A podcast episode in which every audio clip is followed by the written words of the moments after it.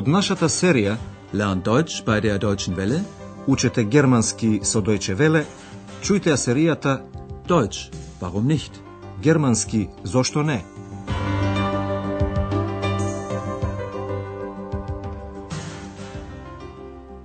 Liebe Hörerinnen und Hörer. Драги слушателки и слушатели, денес ќе слушнете лекцијата 7 од серијата 4.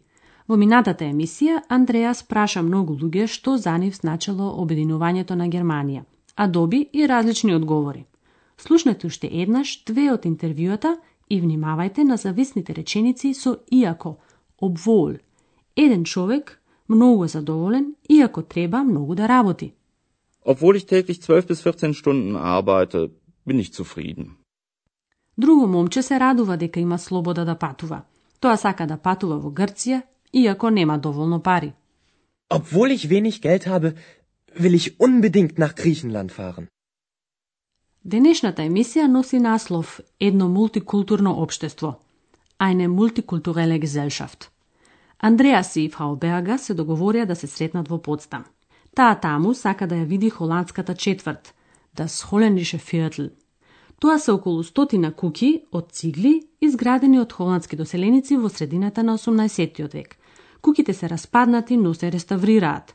Бидејќи се наоѓаат во близината на дворецот Сон Суси, тоа би било идеално место за хотелот, токму она што го бара Фрау Берга. Но оваа замисла е повеќе сон. Траум. Слушнете зошто. Sind sie nicht wunderbar, diese einfachen alten Häuser? Da möchten Sie wohl gern ein Hotel aufmachen? Sehr gern. Das ist doch der ideale Platz, um ein Hotel aufzumachen. Das Schloss Sanssouci ist ganz in der Nähe.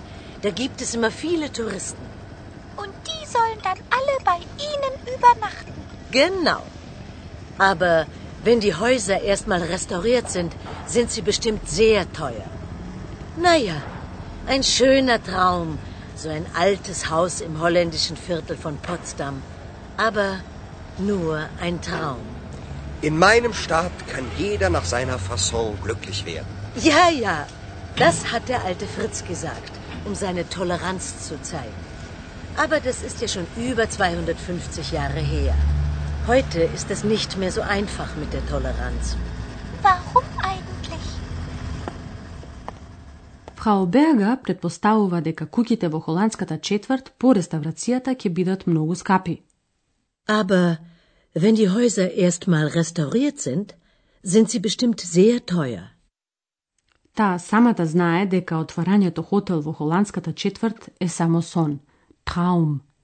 Naja, ein schöner Traum, so ein altes Haus im holländischen Viertel von Potsdam. Aber nur ein Traum. Фрау Берга занесено зборува за холандската четврт како идеално место за хотел. Das ist doch der ideale Platz, um ein Hotel aufzumachen. Местото е толку добро бидејќи се наоѓа во близината на дворецот Сон Суси и затоа има секогаш многу туристи. Туристен. Das Schloss Sanssouci ist ganz in der Nähe. Da gibt es immer viele Touristen. Екс за тоа вели. И тие сите треба да ноќеваат кај вас. Und die sollen dann alle bei Ihnen übernachten. Тоа секако би било многу убаво, но сепак е само сон. Во врска со тоа, на Андреас му паѓа на памет една позната изрека на кралот Фридрих Велики, кој го изградил и дворецот Сонсуси. Андреас цитира: Во мојата држава може секој на свој начин да стане среќен. In meinem Staat kann jeder nach seiner Fasson glücklich werden. Овој цитат од стариот Фриц, Алтен Фриц, како што народот го нарекувал кралот Фридрих, на Фрау Берга и е смешен бидејќи реченицата се однесува на религијата. Кралот сакал во неговата држава сите религии да се толерираат. Фрау Берга вели: Да, да, тоа го рече стариот Фриц, за да ја искаже својата толеранција. Ja, ja, das hat der alte Fritz gesagt, um seine Toleranz zu zeigen. Освен тоа, оваа животна филозофија е стара преку 250 години. И денес веќе не е толку едноставно, einfach, да се реализира. Aber das ist ja schon über 250 Jahre her. Heute ist es nicht mehr so einfach mit der Toleranz. Прашањето на Екс, зошто е тоа така, останува неодговорено. Warum eigentlich? Фрау Берга и Андреас продолжуваат понатаму и погледнуваат наназад во 18 век, во времето од кога потекнува цитатот. По 30 годишната војна, која заврши во 1648 година, бројот на населението во Бранденбург многу се намали. Свесно се доведуваа доселеници, Einwanderer, чија култура се почитуваше. Фридрих Велики, на пример, го почитуваше верувањето на хугенотите кои во тоа време во Франција беа прогонувани. Многу доселеници од најразлични националности и религии се населија тогаш на овие простори. Денес тоа би се нарекло мултикултурно општество. Мултикултуреле гезелшафт. Слушнете го сега овој разговор. Што ќе чуете за мултикултурното општество? Also, warum soll es heute nicht möglich sein, dass man nach seiner Fasson glücklich wird? Das wissen Sie doch selbst. Im Dreißigjährigen Krieg gab es viele Tote. Und nach dem Krieg waren Einwanderer willkommen, um das Land zu besiedeln. Ja, sicher. Ich weiß. Und die Menschen wurden gut behandelt. Man achtete ihre Kultur, man war tolerant. Eigentlich eine multikulturelle Gesellschaft. Das stimmt. Viele Einwanderer kamen, um hier zu leben. Holländer, Italiener, Juden, Hugenotten. Allein 20.000 Hugenotten. Hugenotten? Franzosen, Ex. Der alte Fritz sprach ja auch besser Französisch als Deutsch. Wer sind Hugenotten? Das sind Protestanten. Ihr Glaube war in Frankreich verboten. Damals. Ach so, das interessiert mich nicht. Ich habe Hunger. Ich kaufe dir eine Bulette. Nein, eine Currywurst. Андреа зборува за едно време во кое мултикултурното општество беше повеќе реалност отколку денеска. Кон луѓето добро се однесуваа. Und die Menschen wurden gut behandelt. Знак за тоа беше дека се почитуваше културата на доселениците. Man achtete ihre Kultur. Тоа на вистина беше така. Дали архитектурата, занаетот или јазикот, доселениците се сметаа за збогатување на духот. Андреас заклучува. Луѓето беа толерантни и живееа во мултикултурно општество.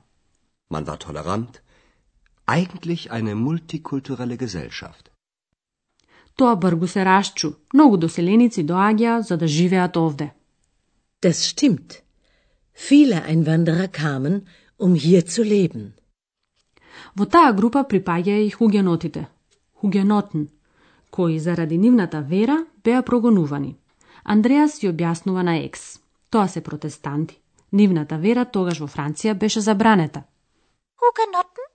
Das sind Protestanten. Ihr Glaube war in Frankreich verboten. Damals. На кралот Фридрих, на стариот Фриц, доселениците од Франција му беа добродојдени, бидејќи тој подобро, Беса, зборуваше француски, одошто германски. Der alte Fritz sprach ja auch besser Französisch als Deutsch. Но тоа не ја интересира Екс. Таа е гладна. Андреас и нуди еден белински специалитет, една булете. Тоа е мелено месо во форма на топка. Името булете потекнува уште од времето на хугенотите од францускиот спор бул, што значи топка, односно кугла. Das interessiert mich nicht. Ich habe Hunger. Ich kaufe dir eine Bulette. Но Екс повеќе би сакала колбас во сос со зачинот кари. Nein, eine Currywurst. Додека Екс јаде, ние ќе ви ги објасниме зависните намерни, односно финални реченици, со за да, ум цу.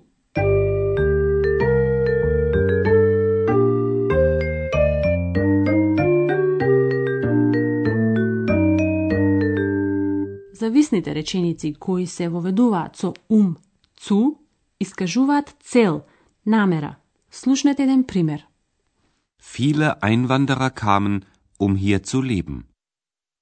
Глаголот во зависната реченица со ум цу секогаш стои во инфинитив и на крајот од реченицата. Еве уште еден пример. Das hat der alte Fritz gesagt, um seine Toleranz zu zeigen. Зависната реченица со ум цу може само тогаш да се образува кога додатокот за номинатив, субјектот, во главната и зависната реченица се идентични. Во првата реченица субјектот е доселениците, die Einwanderer. Слушнете го примерот уште еднаш, најнапред поделен во две главни реченици. Viele Einwanderer kamen. Sie wollten hier leben. Viele Einwanderer kamen, um hier zu leben.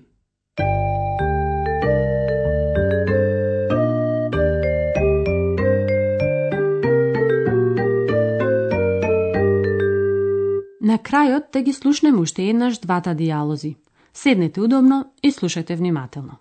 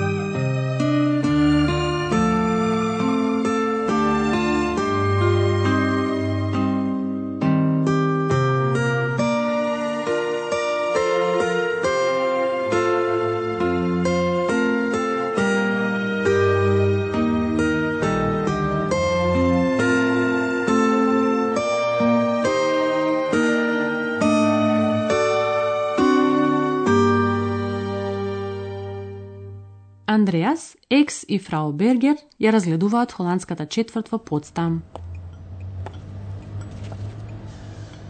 Sind sie nicht wunderbar, diese einfachen alten Häuser? Da möchten Sie wohl gern ein Hotel aufmachen? Sehr gern. Das ist doch der ideale Platz, um ein Hotel aufzumachen. Das Schloss Sanssouci ist ganz in der Nähe. Da gibt es immer viele Touristen. übernachten. Genau. Aber wenn die Häuser erstmal restauriert sind, sind sie bestimmt sehr teuer. Naja, ein schöner Traum, so ein altes Haus im holländischen Viertel von Potsdam. Aber nur ein Traum. In meinem Staat kann jeder nach seiner Fasson glücklich werden. Ja, ja, das hat der alte Fritz gesagt, um seine Toleranz zu zeigen. Aber das ist ja schon über 250 Jahre her. Heute ist es nicht mehr so einfach mit der Toleranz. Warum eigentlich? Тројцата зборуваат за доселениците од 18. век. Also, warum soll es heute nicht möglich sein, dass man nach seiner Fasson glücklich wird? Das wissen Sie doch selbst. Im Dreißigjährigen Krieg gab es viele Tote. Und nach dem Krieg waren Einwanderer willkommen, um das Land zu besiedeln. Ja, sicher. Ich weiß. Und die Menschen wurden gut behandelt. Man achtete ihre Kultur, man war tolerant. Eigentlich eine multikulturelle Gesellschaft. Das stimmt. Viele Einwanderer kamen, um hier zu leben.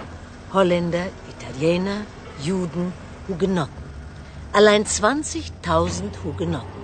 Hugenotten? Franzosen, Ex. Der alte Fritz sprach ja auch besser Französisch als Deutsch. Wer sind Hugenotten? Das sind Protestanten. Ihr Glaube war in Frankreich verboten. Damals. Ach so, das interessiert mich nicht. Ich habe Hunger. Ich kaufe dir eine Bulette. Nein, eine Currywurst. Тоа беше се за денеска. Во следната емисија ќе се прошетаме во филмските студија Уфа во местото Бабелсберг. А до тогаш, до слушање. Тоа беше германски Зошто не? Радиоговорен курс на Херат Мезе во продукција на Дојче Веле и на Гетовиот институт од Минхен.